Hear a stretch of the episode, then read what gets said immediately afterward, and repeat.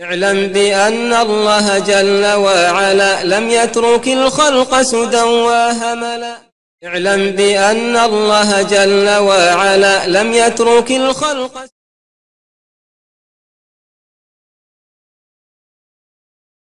بسم الله الحمد لله الصلاة والسلام على رسول الله استعين بالله لا حول ولا قوة إلا بالله اللهم لا سهل إلا ما جعلته سهلا وأنت تجعل الحزن إذا شئت سهلا اللهم أرنا الحق حقا وارزقنا اتباعه وأرنا الباطل باطلا وارزقنا اجتنابه. ولا تجعل الحق ملتبسا علينا فنضل. اللهم آت نفوسنا تقواها وزكها. أنت خير من زكاها أنت وليها ومولاها. برحمتك يا أرحم الراحمين. ربنا يسر ولا تعسر. اللهم بارك وتمن بالخير. لا إله إلا الله ولا حول ولا قوة إلا بالله. أما بعد Hvala Allahu gospodaru svih svjetova. Savršenom gospodaru koji jedini zaslužuje da bude obožavan. Salavat i salam na Allaha poslanika Muhammeda sallallahu aleyhi ve sallame koga je Allah subhanahu wa ta'ala poslao sa istinom i koji je on pojasnio i dostavio, a zatim ga Allah subhanahu wa ta'ala usmrtio i sebi povukao. A zatim brate, znaj da vjerovanje nije ono što se u srcu sakrije, već je vjera srcem ubjeđenje, pa jezikom javno svjedočenje navedeno djelima dijelima potvrditi, u protivnom iman ćeš izgubiti. Allah subhanahu wa ta'ala od nas hoće da vjerujemo. Da vjerujemo u na inaha in Allah Muhammedur Rasulullah islamskim vjerovanjem koje podrazumijeva znanje pa ubjeđenje, zatim potvrđivanje riječima i dijelima. Kaže Allah subhanahu wa ta'ala fa'lam annahu la ilaha illa Allah. Znaj da nema Boga sem Allah. A zatim to posvjedoči. Ešhedu an la ilaha illa Allah. Svjedočim da nema Boga sem Allaha. To jest obavezujem se i odgovoran sam kao svjedok za sve što slijedi nakon toga pa je vjerovanje ubjeđenje riječi dijelo. I vjerovanje, kad se spomene odvojeno, znači islam, znači iman, znači tevhid. A kad se spomenu iman i tevhid, onda je tevhid srž, srž vjerovanja. To jest ono što se tiče od vjerovanja vezano za Allaha subhanahu wa ta'ala jednoću. To jest da vjeruješ i potom vjerovanje djeluješ da je Allah subhanahu wa ta'ala savršeni gospodar koji jedine služe da bude obožavan pa da ga obožavaš. Samo njega. Odrećući se obožavanja bilo koga sem njega i bilo kakvom sem njegovom vjerom subhanahu wa ta'ala. Kao takav, islam, iman, tevhid, imaju svoj temelj, imaju svoje stubove i imaju svoje ukrase. Imaju osnovu na kojoj sve stoji, u koju ako se uđe dira, propada vjerovanje. Čovjek nema ni dina, ni imana, ni tevhida. Imaju obavezne stvari u vjeri, ali nisu nužno, nužno da bi čovjek bio vjernik. Te stvari koliko čovjek načinje, on je grešnik, ali nije nevjernik. Imaju dobrovoljne stvari u islamu, suneti, mustehabi. To su ukrasi vjere. I to što čovjek više radi, njegov se konto ahiretski povećava i njegov iman jača, i time se štiti od toga da griješi po pitanju vađiba i time se popravljaju greške i nadoknađuju nedostaci vezani za vađibe, za obavezne stvari, ali ta stvar, ako se ostavi, čovjek nema grijeha, za razliku od vađiba ili grijeha, koji ako se ostavi, odnosno urade, čovjek je griješan, ili imana i kufra, kad uđe dio kufra, pokvari cijeli iman, kad uđe dio širka pokva, velikoga, pokvari cijeli tevhid, kao što stvar koja kvari abdest, makar jedna bila jedan put se učinila pokvari cijeli abdest, ili kao malo nešto će pokvari vodu kad u nju uđe i ne može se njom abdestiti tako dele. Pa je bitno da zna insan da postoje temelje vjere koji moraju biti. I kogod ima temele, taj je vjernik makar ima u sebi trunku imana. Ko nema temela, ta nema truna imana. I bitno je znati da imaju vađibi, to su Allahove naredbe i zabrane, koje se ne tiču nužnih stvari u vjeri. I te vađibe koliko čovjek krši, toliko je griješan. I te zabrane koliko čovjek radi, toliko je griješan, ali ga to ne izvodi iz vjere. I bitno je znati da postoji dobrovoljne stvari koje se smiju ostaviti, a ne treba ih ostavljati jer tebi koriste. To su suneti i mustahabi. Ali da su te stvari najblaže stvari po pitanju činjenja, odnosno koristi kad se čine i ostavljanja, odnosno greha ako se, ili nepostajanje greha kad se ostavi. Ali je šteta načinjena zato što svaki gubitak, svaki odsus, ovaj, nedostatak gubitka je dobi, dobitka je gubitak. Islam od nas traži i Allah od nas traži da budemo u konstantnom usponu. Vjerovanje muslimana raste i opada. Pojačava se pokornošću, a sam, smanjuje se grijesima i griješenjem. A ako su ti grijesi dijela kufra velikoga, onda se gubi u potpunosti. Zato što oni zadiru u temelj. I vjerovanje je ubjeđenje riječi dijela, rađenje i ostavljanje. Ishodno tome čovjek može da izađe iz vjere greškom u ubjeđenju ili svojim riječima ili svojim dijelima ili neizvršavanjem onoga što je naređeno ili ostavljanjem nečega što je naređeno kao što je ostavljen namaza ili činjenje nečega što je zabranjeno svojim dijelom. Pardon, peta stvar je sumnja. Rekao sam objeđenjem riječima i dijelima, neizvršavanjem naređenom i sumnjanje u nečem što je obavezno da zna vezano za objeđenje. Zbog toga, nakon što smo govorili o vrijednosti tevhida, dolazi šeh spominje drugo poglavlje koje glasi doslovno, a ne onako kako je prevedeno u mnogim prevodima, ne znam kako je tom koji je kod vas. Ko u potpuni tevhid ući će u džennet bez polagane računa. Tako stoji. Bez, da, to je da. U prvom prevodu na bosanski jezik stojalo je ko ostvari tevhid. I to je neispravno. I slušali smo ljude koji su ubijeđen da su oni na tevhidu, a da su svi drugi ili u širku, ili u bid'atu, ili u irđa'u, a koji dove Allahu, Allahu moj pomozi nam da ostvarimo tevhid makar prije smrti. Jer su doslovno shvatili stvari onako kako stoje u prevodu na bosanski jezik, iako ih mi Allah učasti da znaju arapski.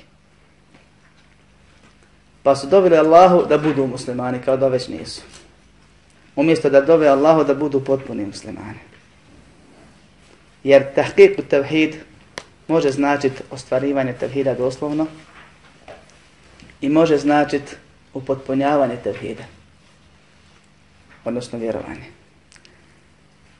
I u prvom poglavlju, prošlom poglavlju, prethodnom poglavlju, bilo je govore o ostvarivanju tevhida. Kako i šta, koja je vrijednost ako si ti uopšte mu vahid, bilo kakav. Pa je zagorantovan ulazak u džennet kad tad.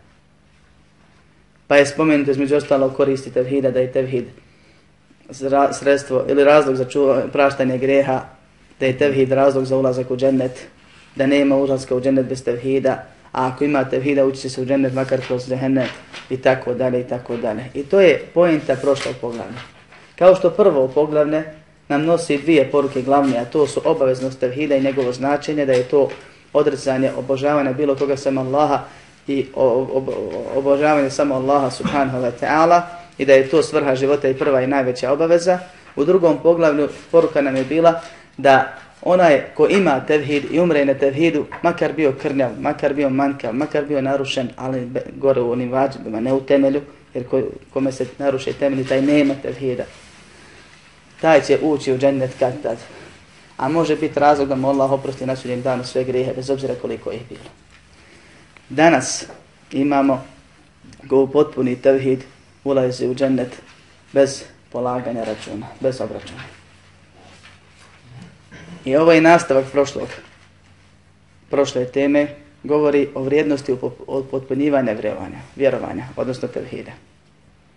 Pa je šeh počeo sa riječima Allaha subhanahu wa ta'ala inne Ibrahime kane ummeten qanitan lillahi hanifan wa nam jeku minal mušrikin li en'umih اجتباه وهداه إلى صراط مستقيم وآتيناه في الدنيا حسنة وإنه في الآخرة لمن الصالحين ثم أوحينا إليك أن اتبع ملة إبراهيم حنيفا وما كان من المشركين Zaista je Ibrahim, kaže Allah subhanahu wa ta'ala, Ibrahim alaihi salam, koji nosi naziv otac mu vahida, između ostalog zbog ovih stvari.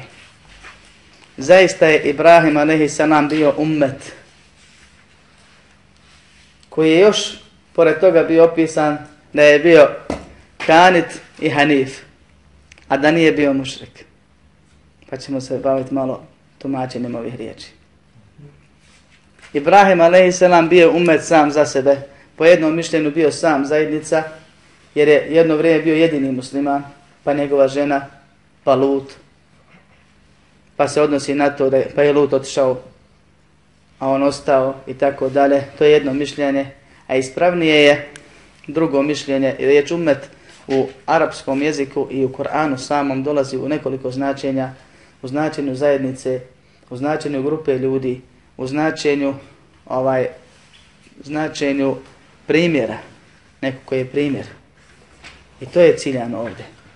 Ibrahim a.s. je bio primjer drugima. A ne može biti primjer osim onaj koji je upotpunio svoju vjeru. Inna Ibrahime kane ummeten. Od njegovih osobina je bilo da je bio qaniten lillah. Kunut, imamo kunut dovu. Kunut znači da vam ta'a ili ustrajnost u pokornosti. Kad si ustrajan nekom, pa se kaže za ono ko dugo klanja da je kanit. Ko dugo dovi da je isto tako kanit. I ko je općenito ustrajan u pokornosti Allahu subhanahu wa ta'ala, to je kunut. Allah ovdje naglašava i hvali ga drugom riječi, riječju koja se podrazumijeva uprvo. Qanitan lillah. Bio je ustrajanost radi Allaha. To je svu svoju pokornost, sve svoje ibarite je činio samo Allahu subhanahu wa ta'ala. I to tu konstantno. Nije mu se dešavao širk. Kao što se može desiti muslimanu. Pogotovo mali. Hanifen. Hanif je onaj jezički koji je skrenuo. Koji je nageo negdje. Pa imamo tu dva tumačenja koji se svode na isto značenje od prilike. Prvi je onaj koji se okrenuo Allahu, samo Allahu, i time se okrenuo od svega onoga što su prostavlja Allah. Dakle, grijesi, na primjer, jednoj strani Allah, u drugoj se okrenuo Allahu, subhanahu wa ta'ala. A po drugom tumačenju koji je preciznije, Hanef je mail ili skretanje, jezički. A to je, kaže, skretanje od svakog oblika širka i nepokornosti. Zato se hani, han, Hanifijet Ibrahimova vjera zove. Jer ga je Allah subhanahu wa ta'ala poslao najtežim oblicima mušrika. Mušricima koji su bili mušici po pitanju nebeskih tijela, neki od njih obožavali sunce, mjesec i ostale, a drugi obožavali predmete i druge stvari za koje su vjerovali da se tu duže dobrih ljudi utjelovljuju i tako dalje. Pa su obuhvatili vrste širka. Imali su još drugih oblika. Pa je Ibrahim Ersan svima njima odgovorio i šerijatski i logički. Pa je u onom poznatom dijelu suri N.A. deseta stranca, rekao ili pretvarao se jedan dan da im kaže sad ću ja ko vi pa da vidimo valja to pa vidi zvijezdu i kaže ovo je moj gospodar pa kad zađe kaže ne volim ja one koji zalazi Pa vidi mjesec i kaže, ovo je moj gospodar. Nije Ibrahim a.s. sumnio, sumnja obraćamo. Nije on bio mušik nevjernik. Nego su stvari neke koje su u našem šarijetu zabranjene u njegovom dozvoljene i tako dalje. Od šarijeta, od šarijeta se razlikuju neke stvari. Kod nas je to zabranjeno da čovjek glumi da je nevjernik. On je to radio s ciljem dokazivanja neispravnosti širka. I to je ispravnije mišljenje. Jer osobina poslanika da nisu činili greha, kamo li nisu činili širka? Velike grehe. Pa je vidio mjesec isto tako rekao, pa je vidio sunce i rekao ovo je najveće, ovo je moj gospodar, kada je zašlo, zašlo, onda je rekao ja se odrećem od onoga što vi radite. Ja se okrećem samo onome kom je stvorio nebesa i zemlju i tako dalje. Pa im je dokazao da te stvari koje prolazu, dođu, nestane, mora da ih neko upravlja njima, pokreći, održava, čim samo ne može da stane. Treba mi dan i noć, nije samo po noći ili po danu. Allah treba čovjeku stalno. Da je to ništa, da to ne može biti. Logični, pored širijetskih dokaza koji mi je iznosio jer je bio poslanik. Onda im je došao i rekao, zar obožavate nekoga ko vam ne može koristiti? Ja, se obo, ja obožavam samo Allaha, pa kažu, zar se šališ? Kaže, ne šalim, nego ću ja osvetiti vašim bož, božanstvima lažnim. Pa kad su otišli i na neku svoju svetkovinu i rekli mu, hajde s nama, rekao je nisi jakin, što može značiti ja sam bolestan, a može značiti neraspoložen i nisam dobar i tako neke stvari. Pa je on ciljao jedno, a htio da shvati da je on bolestan drugo. Koristio takozvane bijele laži da bi ga ostavili tu. Pa kad su ga ostavili, onda je došao do njihovih kipova, pa pohlupao sve osim najvećeg i po nekim predaje okačimo sjekir o, o vrat. I kad su se vratili, rekli ko je to ovo uradio, kaže taj najveći, pitaj ga, ako ti može reći. Pa kaže, فرجعوا إلى أنفسهم فقالوا إنكم أنتم الظالمون Pa su se vratili sebi, sami sebi, rekli u sebi, svi ste stvarno zulumčari. Priznali su sebe. Thumme nuki su ala ruusihim, zatim su kontra tome ispoljili. Ono kad imaš u sebi, znaš da si u pravu ili da je neko u pravu, pa ti to pogaziš namjerno. Kad te šetan ponese, pa kažeš opet da ja njemu odgovorim, jako znam da je u pravu. Pa su mu rekli, zar ne znaš da oni ne govore, pa su mu zaprijetili, pa su ga ubac, u vatru bacili kasnije. Ali im je time pokazao i praktično da onaj ko sam sebi ne može pomoći, ne može pomoći ni drugim, pa ne može se od njega ni tražiti pomoći u bilo kojim obliku. On je bio hanif, skrenuo je od širka ka tevhidu.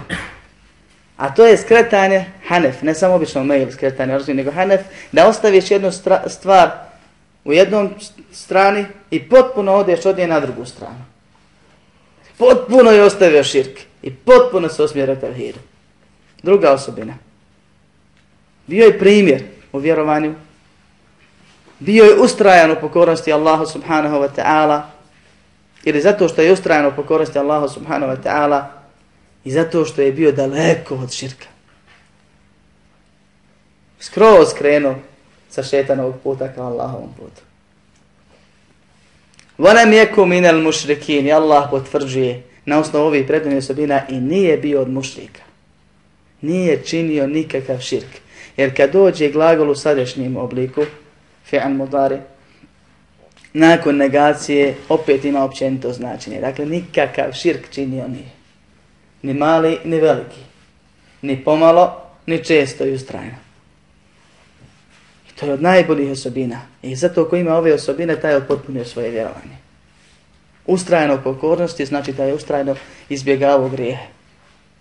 Običan musliman kaže se izbjegavao grijehe jer mora zapast u nešto, ali neće ustrajati na njemu. Nego će ustrajno te obučiniti, istikfar činiti. I kad prekrši jedan vađib, neće reći ne mogu ja to pa neću više ni raditi nikad, nego će nastaviti sljedeći ponovno da drugom prilikom da ga radi a da se kaje za ono prvo što je uradio, da nadoknadi ono što se nadoknadi može i tako dalje.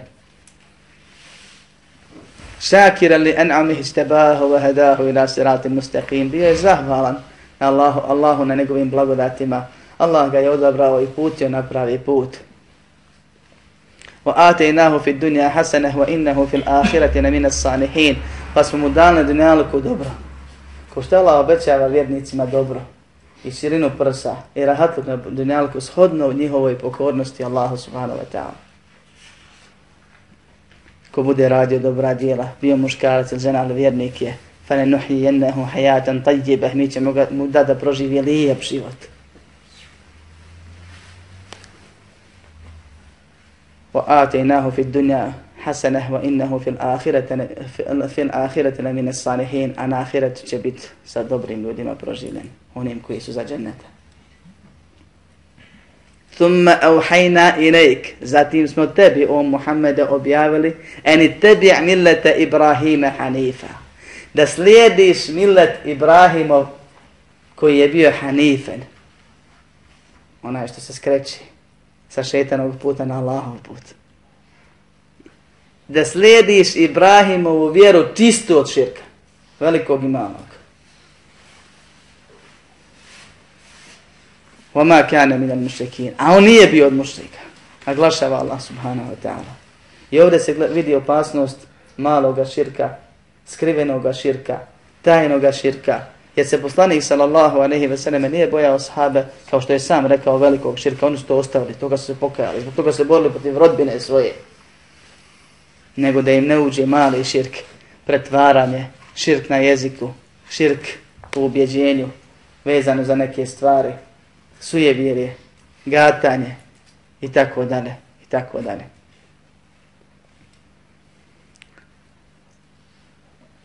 Ovo je do, u ovoj majetu je dokaz za potpunost vjerovanja i nagradu koja slijedi za potpunost vjerovanja i za obaveznost upotpunjivanja vjerovanja ako hoće spas. Jer je Allah subhanahu wa ta'ala nije poslaniku Muhammedu sallallahu a nehi sallam naredio da slijedi ikoga osim Ibrahima. Zato što je Ibrahim bio potpun i zato što je Muhammed sallallahu a ve sallam je isto tako od najboljih i najbolji Allahov stvorenje i najbolji poslanik jer je upotpunio i prevazišao Ibrahima alaihi sallam u ovim stvarima. U drugom ajetu Allah subhanahu wa ta'ala navodi osobine pravih njegovih robova, oni koji su uspjeli, koji su potpuni vjernici. Pa kaže, inna alladhina hum min khashyati rabbihim mushfiqun, walladhina hum bi ayati rabbihim yu'minun, والذين هم بربهم لا يشركون والذين يؤتون ما آتوا وقلوبهم وجلة أنهم إلى ربهم راجعون أولئك يسارعون في الخيرات وهم لها سابقون Oni koji su koji osjećaju ili koji su zabrinuti iz straha prema svom gospodaru oni koji su u stanju straha od svog gospodara. Min hašjeti rabbihim mušfikun. Mušfikun su znači prepadnuti ili zabrinuti. A zbog čega? Min hašjeti rabbihim. A hašje je te veliki strah. Ima hauf, običan strah. A hašje je veći strah od haufa. Od straha poštovanja prema Allahu subhanahu wa ta'ala oni su zabrinuti. U stalnom su strahu od Allaha. U stalnoj su bogobojaznosti. A strah od Allaha po definicije je ono što te odvrati da činiš grijehe i što te natjera da izvršavaš obavezno. Ne neki strah koji ti ne da da živiš, da jedeš, da piješ, da. nego onaj strah gdje ti se sikiraš i brineš, valja ti stat pred Allaha, pa valja ti njemu dževab dat, a kako ćeš znaš šta si uradio, pa te to tjera da nastaviš dalje biti bolji. I da se koriš i kudiš kad pogriješiš i kad griješiš.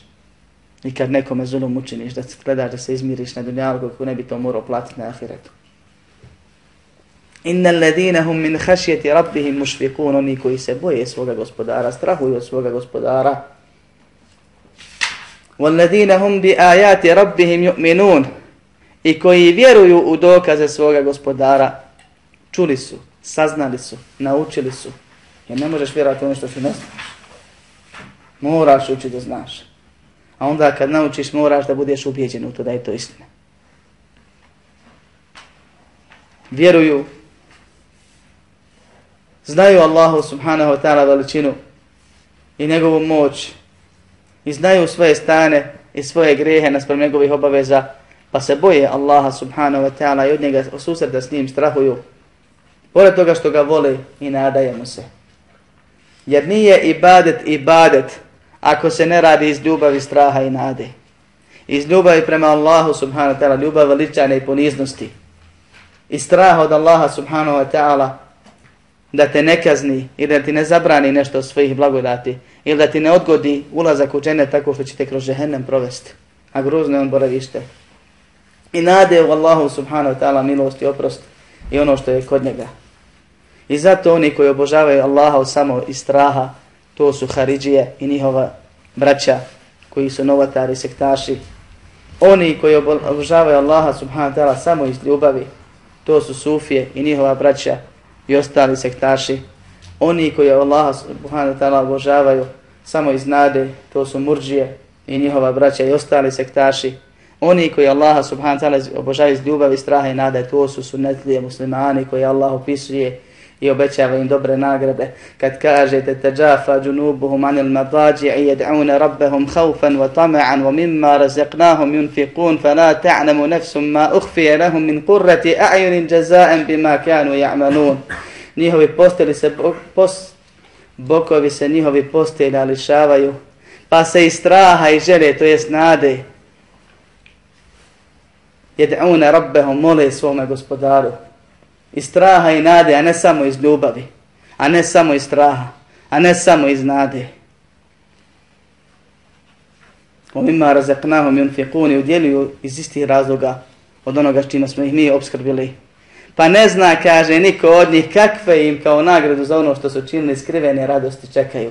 Šta smo im skrivenih blagodati pripremili?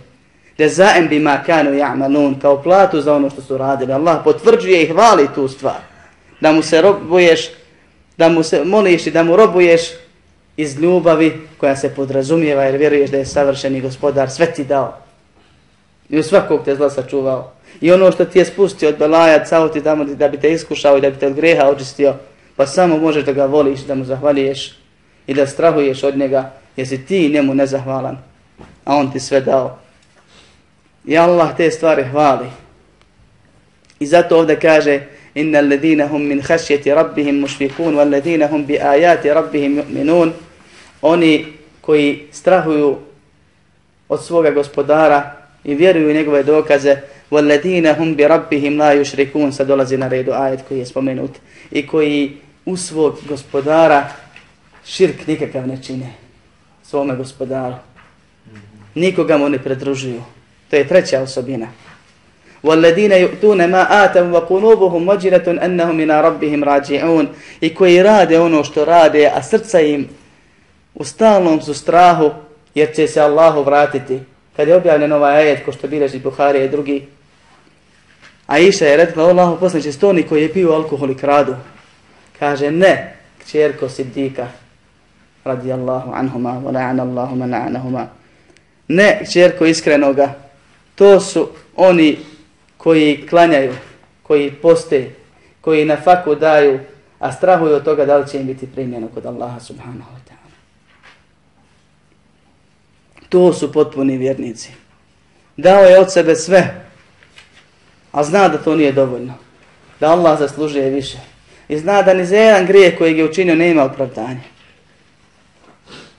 I ako Allah hoće, može ga za bilo koji grijeh u džahennem upasti, jer zaslužuje. Prekršio je i zna da je Allah subhanahu wa ta'ala milostiv i da njegova milost je pretekla njegovu srđbu pa se nada.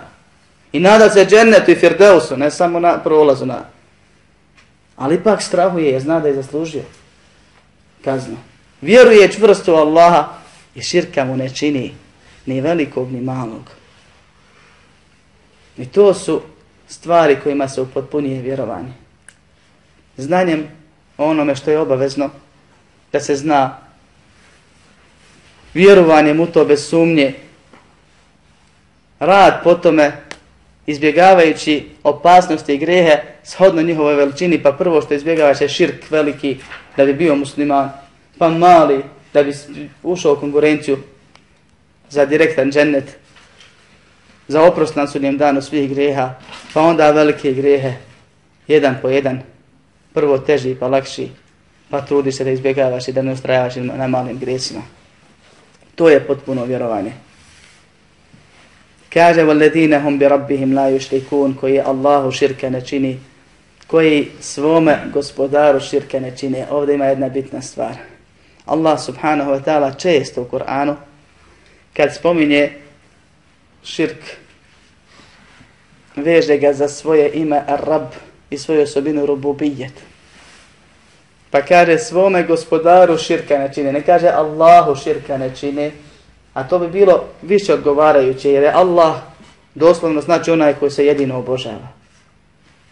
A širk je obožavanje nekoga pored njega subhanahu wa ta'ala. Pa bi bilo logičnije da se kaže Allahu širka ne čine, a ne gospodaru širka ne čine. Međutim ovdje Allah postiče i podsjeća mušrike, a zatim vjernike, na to da su sve tri vrste te, tevhida međusobno povezane, neodvojive. I da ako vjeruješ u jedno ispravno, ona te tjera da dođeš sa druge dvije. Pa ako vjeruje da ima savršenog iznad sebe, a vidi da je on manjkan, on, on odmah zna da ga je taj savršeni stvorio. I da ga taj savršen održava. I pita se šta je razlog mog stvaranja.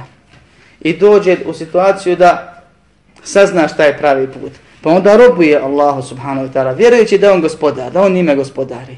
A kad zna da je savršen gospodar, automatski i zna da samo on može da se obožava i čovjek je stvoren da obožava nešto, ako ne obožava Allah, obožava se ništa bilo, bilo šta drugo i onda on sam obožava samo onoga ko zaslužuje ibadet.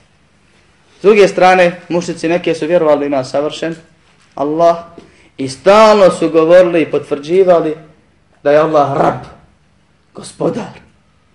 Vjerovalo se ono što ne vjeruje mnogi koji se pripisuju danas nekakvim islamskim pravcima, to je sektama. Vjerovalo se da samo Allah oživljava, da samo Allah obskrbljuje, da samo Allah na faku daje, da je samo Allah sudbeno propisao, da samo Allah svim upravlja. I širk, jedini razlog čega su širk činili je bio to da se mole nekome koji je dobar kod Allaha kako bi on ga približio Allah subhanahu wa ta'ala ili drugim riječima kao što će biti detaljno dokazano u govoru o šefatu ako Allah da doživimo da im naštijeli kod Allaha. I to je bio razlog njihovog širka.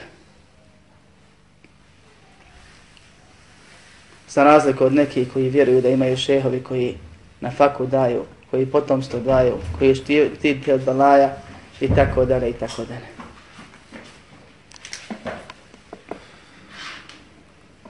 Kaže, وَالَّذِينَ هُمْ بِرَبِّهِمْ U svom gospodara širk ne čine. Kad vjeruješ da ima gospodar, automatski vjeruješ da je savršen. Da nije savršen, ne bio gospodar. Već više puta sam na ovim dersima to spominio. I automatski te obavezuje da sa, svaki vidi bareta samo njemu čini. Pa zato njima kaže, kad ih upitaš ko je stvorio nebesa i zemlju, ili ko je stvorio to i to, ko je stvorio to i to, uvijek kažu Allah, pa onda Allah kaže, pa kuda se odmećete, pa zašto ne vjerujete, pa zašto niste bogobojatni, zašto šir činite? وَالَّذِينَ هُمْ بِرَبِّهِمْ لَا يُشْرِكُونَ Od glavnih osobina kojima je Allah subhanahu wa ta'ala pohvalio potpune vjernike je to da Allahu širka ne čini. Što znači da nema potpunosti sa činjenjem malog širka. O velikom svakako da ne govorimo.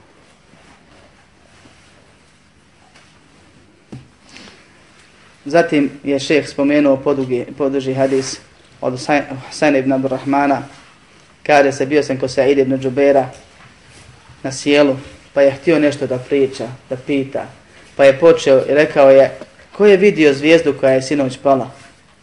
Pa sam rekao, ene, ja. Zatim sam rekao, i ovdje se govori o iskrenosti Selefa i dokaza pravog vjernika. Kaže, ko je vidio zvijezdu koja je sinoć pala? Pala je nekad u vrijeme kad muslimani klanjaju, kad se bude na noćni namaz. Pa kad je rekao ja, znao je da će svi pomisliti da je klanjao. Pa je osjetio obavezu da kaže nisam klanjao. Nemojte misliti da sam klanjao. Kaže, ema inni lem ekun fi sanatin walakinni ludikt. E tu je iskren vjernik. A ne onaj koji jedva čeka da ga ljudi pohvale za nešto što nije uradio. To je munafik vjernik. Nije munafik onaj pravi što krije nevjerstvo, ali je licemjer u malom nifaku. Kaže, walakinni ludikt. Nisam ja bio na namazu, nego me ujeo akreb. Ubo me akreb. Bio sam uboden. Doslovno prevedeno. Kaže, pa šta si uradio? Kaže, tražio sam da mi neko ruke proči. Kaže mu Sa'id ibn Džubeir, tabi'in, poznati učenak među tabi'inima, koji je gubio Hadžađ 95. godine po Hidžri prije nego je napunio 50 godina svog života i koji je dobio da to on bude zadnji koji je ubijen i Hadžađ nakon njega nikog nije ni ubio i tako dalje. Kaže poznati ovaj fekih učenjak, šta te navjelo da to radiš? Učenjaci prvih generacija odmah do ashaba i do sudnjeg dana, oni koji su na pravom putu, rade po riječima Allaha subhanahu wa ta'ala kun hatu burhanakum in kuntum sadiqin reći doneste dokaz ako ste u pravu. Mora biti dokaz za sve što radiš. Kažeš ti, šta ti je dokaz za to? Što ruke od akreba? Nije da ne zna se ej da ne učenjak bio. On su došli kod njega na sjelo na savjete i tako dalje da uberu koju pametnost kaže hadis koji nam je pričao Ša'bi Kaže, šta vam je to pričao? Kaže, spomenuo me od Burejda ibn Husayda, Husayba da je rekao, nema ruke osim protiv uroka ili uboda. Ovdje je hume došlo bez teštida. A ima humma kao groznica. A hume je znači ubod, zmije ili akraba. Ili bilo kojeg insekta ili životinje koja je otrovna. Poslanik sallallahu alejhi ve sellem u ovom hadisu vjerodostojno kaže nema ruke kao što je protiv uroka i uboda. Doslovno osim protiv uroka i uboda. Pa kaže njemu Sa'id ibn Jubair, kad ahsana man intaha ila ma sami'a. I ovo je pravilo kod ehli sunnata val jamaata ispravno je postupio onaj ko postupi po onome što je naučio ili što je čuo. Sa'id ibn Džuber ovdje hoće da mu odgovori i da mu kaže to što mišljenje koje se čuje je neispravno. Sad ću ti ja objasniti spravnije, ali mu prvo potvrđuje i kaže nisi ti pogrešio, ti si pitao, ti si naučen. Pogrešio je onaj ko radi po neznanju, po svom mišljenju. Ti imaš hadis koji si naučio.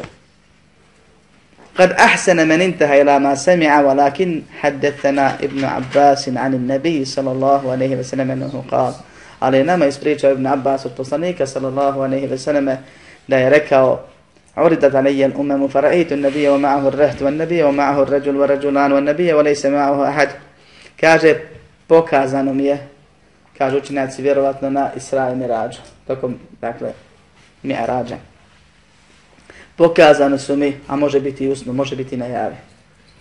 Pokazane su mi svi umeti. Pa sam vidio vjerovjesnika, a sa njim 3 do 9 ljudi. Grupica Reht, to je 3 do 9 ljudi. I vidio sam vjerovjesnika, to je njegov umet sad. Živio život koliki je živio i pozivao on vjerovjesnik, ne nekakav daja. Pa mu se odazvalo 3 do 9 ljudi. I uspio je. I odradio što je do njega. I položio je ispit. I to je njegov umet. I blago njemu. I nije to sramota ni mahana. Jer Allah upućuje, ne upućuje poslanika, kamo li daje i pozivača. Kaže i vjerovjesnika, a sa njim čovjek ili dva čovjeka. Kažu neki da je to Ibrahim, ali je sram kojim se odazvao samo Lut. Ili dva čovjeka, neko drugi. Ili Ibrahim spada u drugog zato što podrazumija se njegova žena i Lut. I tako dalje nebitno. Bitno je da je vjerovjesnik proveo život, a odazvao mu se jedan čovjek. Drugi proveo život u davi, odazvao mu se dva čovjeka. On ne bije volej se mao ahad. Treći proveo život i on je svoj umet. Nikomu se nije odazvao. إذ رفع عني سواد عظيم فظننت أنهم أمتي فقيل لي هذا موسى وقومه kaže pa mi je pokazan crna mrlja na horizontu. Velika masa ljudi. Pa sam pomislio da je to moj umet, jer je već obavezno će imati mnogo sledbenika. Pa mi je rečeno, to je Musa i njegov narod, što govori o vrijednosti Musa, ne Isalam, s druge strane. I njegovog umeta. Oni koji su ostali na šarijatu Musa, a ne onih koji su ga promijenili kasnije. Idrufi ali uh, فنظرت فإذا سواد عظيم فقيل لي هذه أمتك ومعهم سبعون ألفا يدخلون الجنة بغير حساب ولا عذاب kaže pa sam pogledao na drugu stranu pa sam vidio ponovno već veliku masu pa mi je rečeno ovo je tvoj ummet a među njima ima 70.000 koji će ući u džennet bez polagane računa i bez kazne. Došlo je u drugim hadisima vjerodostojni. Da na svakih 70.000, na svaku hiljadu, još 70.000. Došlo je u drugim hadisima, koji nisu vjerodostojni još manje, više od toga na svaku pojedinca 70.000. U svakom slučaju, kažu učinjaci zbog tih promjena u brojevima, ovdje nije pojenta tačan broj, nego da će biti 70.000 glavnih koji imaju određene osobine i svako ko potpune te njihove osobine, i on spada u njih. I on će s njima u toj masi da bude. Pa hoće li ih biti 70.000 puta 70.000 ili više ili manje, ovaj, to nije pogotovo zato što Arabi kad kažu hiljadu misle na puno. A kad kažu hiljadu hiljada, onda je baš nešto puno, nije, nije cilj milion. Tako da, poenta je da vrata ovog natjecanja su otvorene do sudnjeg dana i svako ima pravo da se takmiči i da smatra da on može biti taj i da treba da sebi zada u obavezu da uđe u ovo životno takmičenje koje, čije su nagrade vječne i da ne misli 70.000 bilo tu ashaba, ovi, oni, oni su svi uzeli nagrade, učenjaci, ovakvi, nakvi, šahidi, ovi, oni, nema mene tu, nigdje neću, ja sad ja ću da budem u džene, za vratima dženevskim i da ja malo u dunjalku uživam, pa šta bude, neka bude. Ne. Allah od nas traži da se postavimo visoke ciljeve, pa ako i ne ostvarimo plafon, ostvarit ćemo sigurno puno. I to po pitanju vjere. A po pitanju dunjalu kada se ugledamo na onog koji je ispod nas, kada zahvaljujemo Allahu na onome što ima i da budemo zahidi, da od dunjalu uzmemo onoliko koliko nam je dovoljno i koliko nam nas pomaže na putu ka ahiretu. Sve ostalo je dokaz protiv čovjeka. Zato je došlo vjerodostojnim hadisima da će bogati ashabi i vjernici ući nakon siromasni. Nakon 500 godina, čini mi se. Jer valja dževap dati za sve što si stekao. Kako si zaradio, šta si s tim radio, u što si potrošio. Kaže Ibn Kajim Rahimahullah. S obzirom da je bilo bogatih ashaba koji je običan džennet. Moramo napraviti i drugih dokaza koje posjedujem. Moramo, kaže, napraviti razliku između ulaska u džennet i visokih stepena u džennetu. I da to dvoje nije povezano. Da se može desiti da čovjek kasnije uđe u džennet, a dobije visok, veće stepen od onoga koje je prije ušao. I da prvi uđe i dobije najveće stepene. Što je slučaj sa poslanicima i vjerovjesnicima. I da uđe prvi dobije manje stepene, treća situacija, i da uđe kasnije i dobije opet manje stepene. I to nije međusobno povezano. Ali je svakako bitno među prvima ući u džennet jer se ovdje radi o ulazku bez polaganja računa i druga kategorija su oni koji će polagati račun, bilo je govorimo prošli puta, ali će im biti oprošteno prije ulazka u džehennem jer je Allah zabranio vatri njihova tijela zbog nekog dobrog dijela kojeg su radili od najboljih dijela je tevhidu Allaha subhanahu wa ta'ala i klonjenje malog širka. Veliki se podrazumijeva. Pa je bitno da čovjek se osigura da ne boravi ni sekundu u džahennemu, a neće se malo boraviti onaj koga Allah uvede. I neće biti kratko. I neće mu biti mi malo lahko da nas Allah sačuva džahnema. Kaže, ثم نهض فدخل منزله فخاد الناس في أولئك فقال بعضهم فلعلهم الذين سحبوا رسول الله وقال بعضهم فلعلهم الذين ولدوا في الإسلام فلم يشركوا بالله شيئا وذكروا أشياء كان زتهم يوتشا وشا وصفو يكوشو وصلانك محمد صلى الله عليه وسلم علودي سوستالي da raspravljaju o tome. Nisu se razišli i rekli, dobro, Allahov poslaniće, danas smo naučili jednu novu stvar, bitnu, finu, bit će 70.000 koji će direktno u džennet, neće imat, neće račun polagati, neće biti pitanje što se grijeh činio. A kamo li da bude kažnjen za njega? I hajmo mi sad spavat, hajmo mi sa svojim porodicama, neka tebe tu, to opet sutra da pitamo novu stvar, ko što stane većine muslimana, da od dersa do dersa čuju kakvu lijepu stvar, a između toga niti primjenjuju, niti čitaju, niti se spremaju za drugu slučaj. Nego su stali i ostali i da se raspravljaju ko bi to mogao biti. Kao što je slučaj u drugom hadisu, kad je, Ali, kad je rekao da će dati sutra bajrak čovjeku koji voli Allaha i poslanika i koji voli Allaha i poslanika, pa su cijelu noć ostali, nisu spavali. Ko bi to mogao biti? Kakve su to osobine? To je bitna stvar čovječe. Tvoj život koji se smrću ne završava vječni zavisi od ovih stvari. Svi ćemo proći i na sudnji dan doći. Svi ćemo preko sirata pre, prelaziti. Pa će neko prijeći. Neko neće nikad proći. A neko će pas pa će iz džehennema biti izvađen nakon što odradi kaznu za svoje grijehe.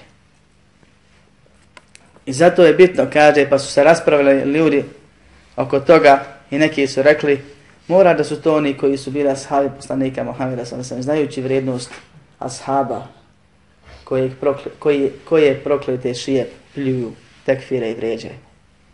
A oni su znali kolika je vrijednost ashaba radijallahu anhu međma'in. Drugi su rekli, možda su to oni koji su rođeni u islamu i nisu nikad širka činili. Ljudi koji su bili mušrici, pa islam primili. Još uvijek ih peče to što su nekad se nekom pored Allaha molili, iako znaju da im je Allah uprostio. Pa kažu, mora da ovakva velika nagrada ne dolikio se onom ko nikad širka nije činio. Znaju kolika opasnost čini širka Allahu subhanahu wa ta'ala, pravi širk. Molit se nekome pored Allaha. Bilo ko, strahovat od nekoga pored Allaha, strahom od onoga što ti samo Allah može dati da spriječiti. Nadat se u nekoga pored Allaha subhanahu wa ta'ala. Volit nekoga ko Allaha subhanahu wa ta'ala i tako dalje i tako dalje. Pa su spominjali su između ostalog, kao što je došlo u drugim rivajetima, da su to oni koji su činili hijđru i druge stvari. Pa kaže, pa je izašao poslanik sallallahu aleyhi ve sellem, pa su mu spomenuli ta svoja mišljenja. A onda je on rekao, Humul ladina la yasterquna wa la yatatajjaruna wa la yaktamuna wa ana rabbihim yatawakkanun. To su oni koji ne traže da im se rukja čini i oni koji nizu sujevjerni ne gataju i oni koji se ne liječe žigosanjem, kauterizacijom i oni koji se samo na Allah oslane. Kaže pa je ustao Kaša ibn Mehsan i rekao dovi Allahu da me učini od njih. Pa se ovdje spominje puno rivajeta. U nekima se spominje da je u Kaša pitao jesam li ja od njih. Pa je poslanik sam sem rekao ente minhum. Tumače se rivajte tako što se kaže da je kad je prvi puta u Kaša tražio da se dovi, poslanik sam sem je zamolio Allah. Pa je pitao jesam li od njih, kaže jesi od njih. Pa kad je jedan uspio tu da odmah dobije tu priliku, odmah se javlja drugi, koji nije na stepenu prvog. Ali kad treba natjecati se u dobru, kad treba požuriti oprostu gospodara kojeg on traži, kad treba žurit u činjenju dobrih dijela, onda se ljudi ne takmiče. Onda se ljudi ne guraju. Onda kao nek ide ko može, ne mogu ako on. A kad se dijele nagrade, onda svi trče. Pa i ko zasluže i ko ne zasluže, da mu je da dobije. A nije imao to osobine, nije imao ta djela nego mu je bilo svejedno, gledao se na nekog slabijeg. Kad ovaj za mnom zastaje, ba dobar sam ja kakvih ima. A kad treba dobiti, da mu je najveću nagradu. Međutim, poslanik sallallahu alaihi sallam koji je bio najljepšeg morala i traži od nas da Allah da se ugledamo u njeg, na njegu svemu, pa i po tom pitanju, nije htio da ga uvrijedi. Da mu kaže nisi ti ovdje. Ne zaslužuješ ti to. Ili po jednom mišljenju ti si munafik. Da ga razotkrije ako je bio munafik, ali znali su nama da nije bio ili nije. Ali su složi da nije zaslužio tu stvar, jer da je rekao bi njemu ti sedni. Nego mu kaže sebe kake biha u kaše. Već ste je pretekao kaša i zatvara put, da ne bi nakon njega odmah drugi rekao treći, četvrti, hoću ja, hoću ja, svi hoće tu stvar. A nije to stvar koju dijeli Muhammed sa nas, to je stvar koja se postiže. Kako se postiže? Postiže se potpunim tevhidom uz potpuni tevekul oslanac na Allaha subhanahu wa ta'ala.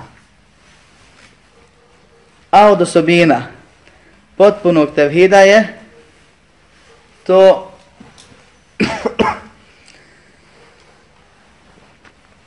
da vjeruješ da je Allah subhanahu wa ta'ala savršeni gospodar koji jedine zluži da se obožava, te da mu savi badeš činiš i time se čuvaš velikog nevjerstva velikog širka i velikog licemjerstva. Dakle, muslimanci. Zatim da se čuvaš malog nevjerstva, osobina licemjera, to jest malog licemjerstva i malog širka. Ko hoće detaljno pogleda ders nevjerovanja u Allaha, naći će pojašnjenje ako pogleda. Zatim da se čuvaš novotarija, koje su u suštini jedan od oblika nevjestva. jer je to prepravljanje Allahove vjere. Kao da kažeš Allahu, ti si to fino propisao, ali mogu ja bolje. Pa treba dodati. Ali ne izvodi to iz vjere. Nisu ljudi tako, nisu isti razloga, ne čine nego iz nekih drugih pobuda ih čini. Ali su opasne stvari. I nakon toga da se činiš velikih grijeha i da izbjegavaš male grijehe. Da se kloniš velikih grijeha i da izbjegavaš male grijehe. Tako se upotpunije vjerovanje, tako se upotpunije tevhid. Mali grijesi, pogotovo kad se često čini, oni malo nagrizaju tevhid, ali ga nagrizaju. Veliki grijesi uništavaju onaj obavezni dio. Dakle, davno su ukrasi probijeni, nego se spratovi sa te kuće vjerničke ruše. A veliko širk i također novotarije su jače i veće i opasnije od velikih griha. A veliki širk, veliki kufr, veliki licemjerstvo svakako uništava sve do temelja. Te se upotpunije vjera i upotpunije vjerovanje i upotpunije monteizam ostavljanjem velikog nevjerstva, širka i licemjerstva, ostavljanjem malog nevjerstva, širka i licemjerstva, ostavljanjem velikih greha, pokajanjem od njih, neustrajavanja i tako dalje. Desi se čovjeku da uradi tokom života i da se vrati na grijeh. I ne znači da je se on ono, kao što si nešto uništio, to ih popraviš pokajanjem. Pa ponovno sazidaš to što je srušeno. I neustrajavanjem na malim grijesima, to jest rađenjem dobrih dijela. Ovo se sve odnosi na vjernika. A vjernik onaj ko vjeruje u Allaha, da je on postoji savršen gospodar koji nije uzlažen da se obožava. Vjeruje u njegove meleke, knjige, poslanike, sudnji dan i odredbu. I koji ima ono zbog čega je vjernik prije svega namaz. Bez kojeg nema vjere, kao što kaže Muhammed sallallahu alaihi wa sallam. Pored ovih stvari, posljedna stvar je da upotpuniš ili održavaš, čuvaš svoj tevekur, svoj oslanost na Allaha. Tako što nećeš doći sa stvari koja negativno utiče na tevekur. I zato je ovdje rekao, oni koji ne traže da im se čuni ruke, a ne traže, nisu sujevjerni, ne traže liječenje spalivanjem, nego se na Allaha oslanja i tako se razumije ovo. Vala, i na Allaha nego se na... Jer ovo sve podrazumijeva, sve ulazi u tevekul i mnoge druge stvari. Tevekul je oslanjanje ili predavanjem srcem na Allaha subhanahu wa ta'ala uz rađene propisanih sebeba. Prije svega, propisani sebebi su plod tevekula. To nije samo poslije tevekula. Spravi tevekul je da se predaš srcem na Allah, Allahu.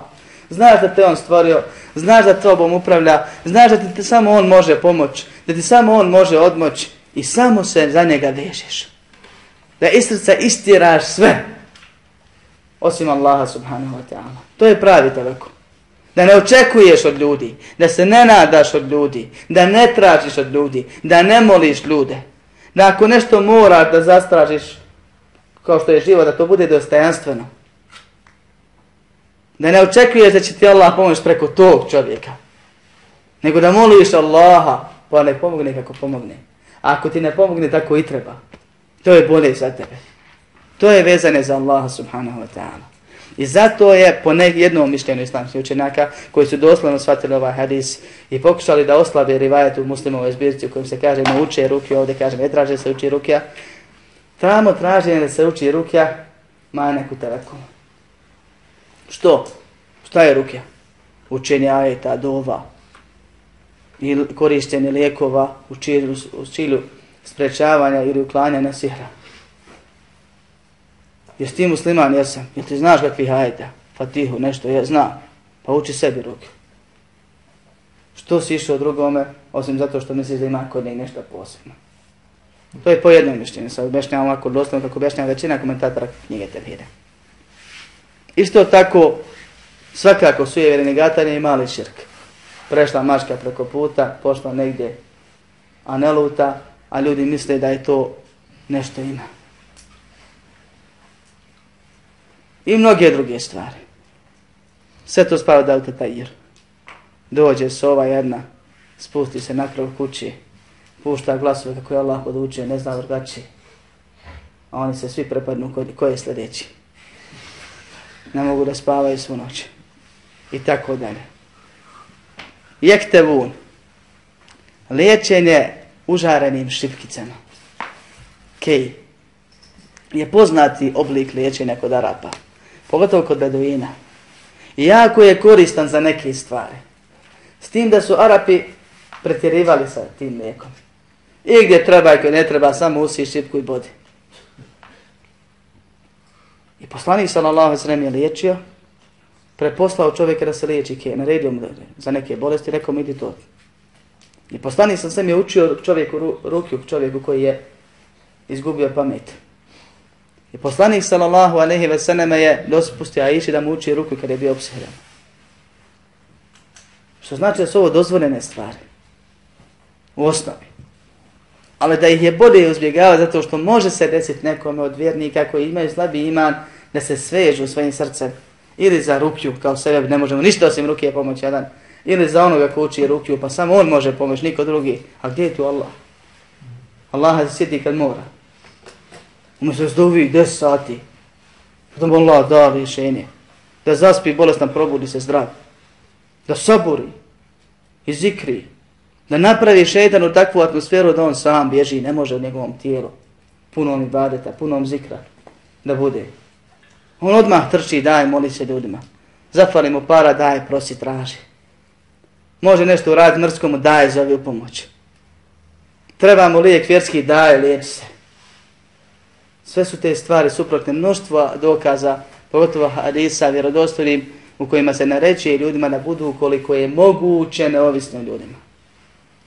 Naređuje vjernica ukoliko je moguće neovisno ljudima. Ne možeš sam i ne trebaš sam. Ne možeš biti da ti nikad niko ne zatreba. I ne trebaš se odvajati. Ali da to bude po potrebi, spram nužde ili potrebe i dostojanstveno, bez molitkanja, bez ponižavanja, bez dosađivanja, bez, bez uminavanja i tako dalje. I ako možeš sam da osaboriš, bolje ti je nego da se ponižavaš ljudima. Da ostavljaš onoga koji se ljuti i srdi kad ga ne moliš, ideš onima kojima je mrsko kad ga zamoliš. E zato je po nekima ove stvari sve utiču na tevekul. Kažem spaljivanje. Rukja, suje vjeri. Suje sam, samo po sebi. Veže za nešto što nema smisla. To je jasnije od ovih stvari.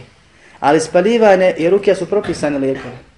Dozvoljeni lijekovi, Ali nije to jedino rješenje i nije svako potreban tih lijekova i nije za svaku stvar taj lijek koristan. Pa je poslanik sa zemljom proputio čovjeka da ide da se liječi tim kauterizacijom, spaljivanjem, žigosanjem. I sam je čini, učio rukiju i dopustio da mu se uči rukija, ali nije nikad tražio da mu se uči rukija. A spomenuo je za ovu spaljivanje da je lijek. Spomenuo je da mu je to mrsko. I spomenuo je da ne voli tu stvar. Pa učenjac kaže osnova je da je to pokuđeno. Ali je korisno i nekad potrebno. I tamo gdje je dokazano da to liječi, treba ga koristiti. I ne utiče na tevekol. Ali u drugim stvarama ne treba eksperimentisati s tim. Zašto? Zato što imaš mogući lijek, a sigurno štetu. Sigurno se sprži. I sigurno sebi bol nanese. A možda koristi, možda ne koristi. Tako ako se desi insan da je slabog imana i da se veže za učača ruke i da se navuče na ruku ko na drogu, ko što ima slučajeva, pa i kad je zdrav i kad je bolesan, svako malo mora onda obiđe onog svog da mu odnese para ako da mu je sihra napravio, nije. Nego je slabost imana u njemu. Da ga posjeti malo, da ga pregleda, da ga popravi i tako dalje. to u tim situacijama to negativno utiče na tevekul i to nije dozvoljeno. Nije, do, to je pokuđeno i to izbacuje iz kategorije ove. U drugim situacijama kad ima potreba za tim, dozvoljeno je da se traži rukja, da se liječi kauterizacijom, a nikad nije dozvoljeno gdje su je vjeran. I u tim slučajima, ako postoji stvaran šarijaski povod i razlog i postoji reakcija, on djelovanje, onda čovjek, čak i kako to bude radio, ne izlazi iz ove kategorije. Između toga bitno je da čovjek znači bude oprezan i da izbjegava te stvari koliko je može. Koliko može. I može da živi cijeli život s tim nekim problemima i da nikad ne zatreba nikog normalno funkcioniše. Po drugom mišljenju, kada je pitanje rukja, na osnovu hadisa, hadisa u kojima je poslanik se liječio, to je dopustio nam uči se rukja, i liječio druge, i spominjao kako je lijek, i spominjao dove pri ruki, i potvrdio onima koji su učili rukje, poznati hadisi i ostale stvari. I na osnovu rivajeta u muslimovoj zbirci kojim se kaže lajer kun, ne čine rukju, taj dio učenjaka tumači ovaj hadis i taj, da se to odnosi na rukju koja je haram, koja u sebi ima širka. Dakle, ne čine veliki širk. Ne liječe sihr sihrom. I tako dalje. Ne čine ni mali širk kao tetajur. Niti se oslanjaju na nešto što možda koristi, može šteti što je mekru, što je pokućeno kao što je ovaj žigosanje. I to je ispravnije mišljenje, Allah najbolje zna. Ima puno razloga zbog čega se to mišljenje nabira. Prvo je rivajet taj kojeg je teško da jefit. Drugo je to što je od oblika heđra Kur'ana. A poslanik sallallahu alaihi sallam se žali Allahu. Ja rabbi ne qavmi tehadu hada al-Qur'ana mehđura. Gospodaru moj, moj narod je napustio ovaj Kur'an. Kaže Ibn Kajim, od oblika napuštanja Kur'ana je nevjerovanje u njega, nerad po njemu, ne čitanje, ne izučavanje, ne razmišljanje o onome što je u njemu. Dakle, svako ko nije naučio sufaru, braćo moja, taj je napustio Kur'an. Ne potpunosti, nego onoliko koliko nije. I treba se potrudi da ne bude od onih za koji se Allah, Allahu poslanik Allahu žali. 30 slova, braćo moja. Da vam treba za posao u Njemačkoj naučiti 300.000 riječi. Znači, i bitna je stvar, treba se znati, treba se o tome govoriti. 30 slova, braćo moja, te možete naučiti za 3 dana. Ko hoće. 30 dana je više nego dovoljno. I potrudimo se, braćo moja draga, za svoje dobro, nije za dobro ono ko vam to govori, niti nečije drugo. Kaže od oblika za postavljanje Kur'ana je neliječenje Kur'anom. Pa kažu, ovaj, ako ti imaš potrebu za rukijom, a ne znaš je sam se proučiti, pa preće da ti neko prouči nego da ti eksperimentišeš i tako dalje i tako dalje. U svakom slučaju, čak po oba mišljenja, ako postoje ove mahane razloze, ako je neko slab, ako se neko sveza za nekoga, ne treba da to radi. Jer izlazi iz ove kategorije. Ali je dozvoljena stvar, nije grešan ako radi rukiju, nije grešan ako se liječi žigosavanje, grešan je ako radi rukiju koja je haram, ako ide sihirbazima i to izvodi iz vjere. Grešan je ako je suje vjera i tako dalje, ili ako se pretjerano veže za neki lijek, bilo kakav da je u pitanju, makar to bio i panadol. Ne liječi panadol, liječi Allah. To je sredstvo. Insan mora da zna, kad uzme ali kaže bismillah, da zamoli Allaha srcem ili rečima Allahu daj da djeluje, pomozi. Ti lijek daješ, ne daje, ne djeluje sam po sebi. Pa da se tako onda može da uzme sebe. A ne da uzme sebe vjerujući u sebe gotove. Ja sam uradio i ja sam, to će biti. Koliko je onih koji su se oženili pa nemaju djece, a imaju sebe bez djecu. Ne djeluje svaki sebe. Kome Allah da, djeluje. Kome ne da, ne djeluje. Tako je sa svim drugim uzracima sebe. Nego je bitno čovjeku da veže svoje srce kao za Allaha subhanahu wa ta'ala, da se na njega u potpunosti oslanja, da u njega bez sumnje vjeruje, da se kloni opasnosti shodno njihovoj veličini i žestini, prije svega velikog nevjerstva, širke ili cemjerstva, zatim malog, taj, to je sve ono što je nazvano širkom, kufrom ili nifakom, a ne izvodi izvjere, zatim velikih grijeha, shodno njihovoj težini i jačini i da ne ustrajava na malim grijesima i da se trudi, ako već nije u stanju da sve to ostavi, a obično onaj ko sve prihvati, ubrzo sve i ostavi, normalno je da čovjek postepeno napredi u vjeri, da se trudi da sam sebi obeća obaveže da, da ima namjeru, iskreno će sve to ako Bog da jednog dana, ako ga smrt ne pretekne ranije, doći na svoje, da će sve to primjenjivati za Allahov pomoći. Molim Allah subhanahu wa ta'ala da nas uputi na pravi put onako kako je on zadovoljan, učvrsti na njemu, da upotpuni naše vjerovanje, da nas sačuva od džahennama i njegove kazne, uvede u džennet i pomogne islam i muslimane na svakom mjestu. Amin. Walhamdulillahi rabbil alamin.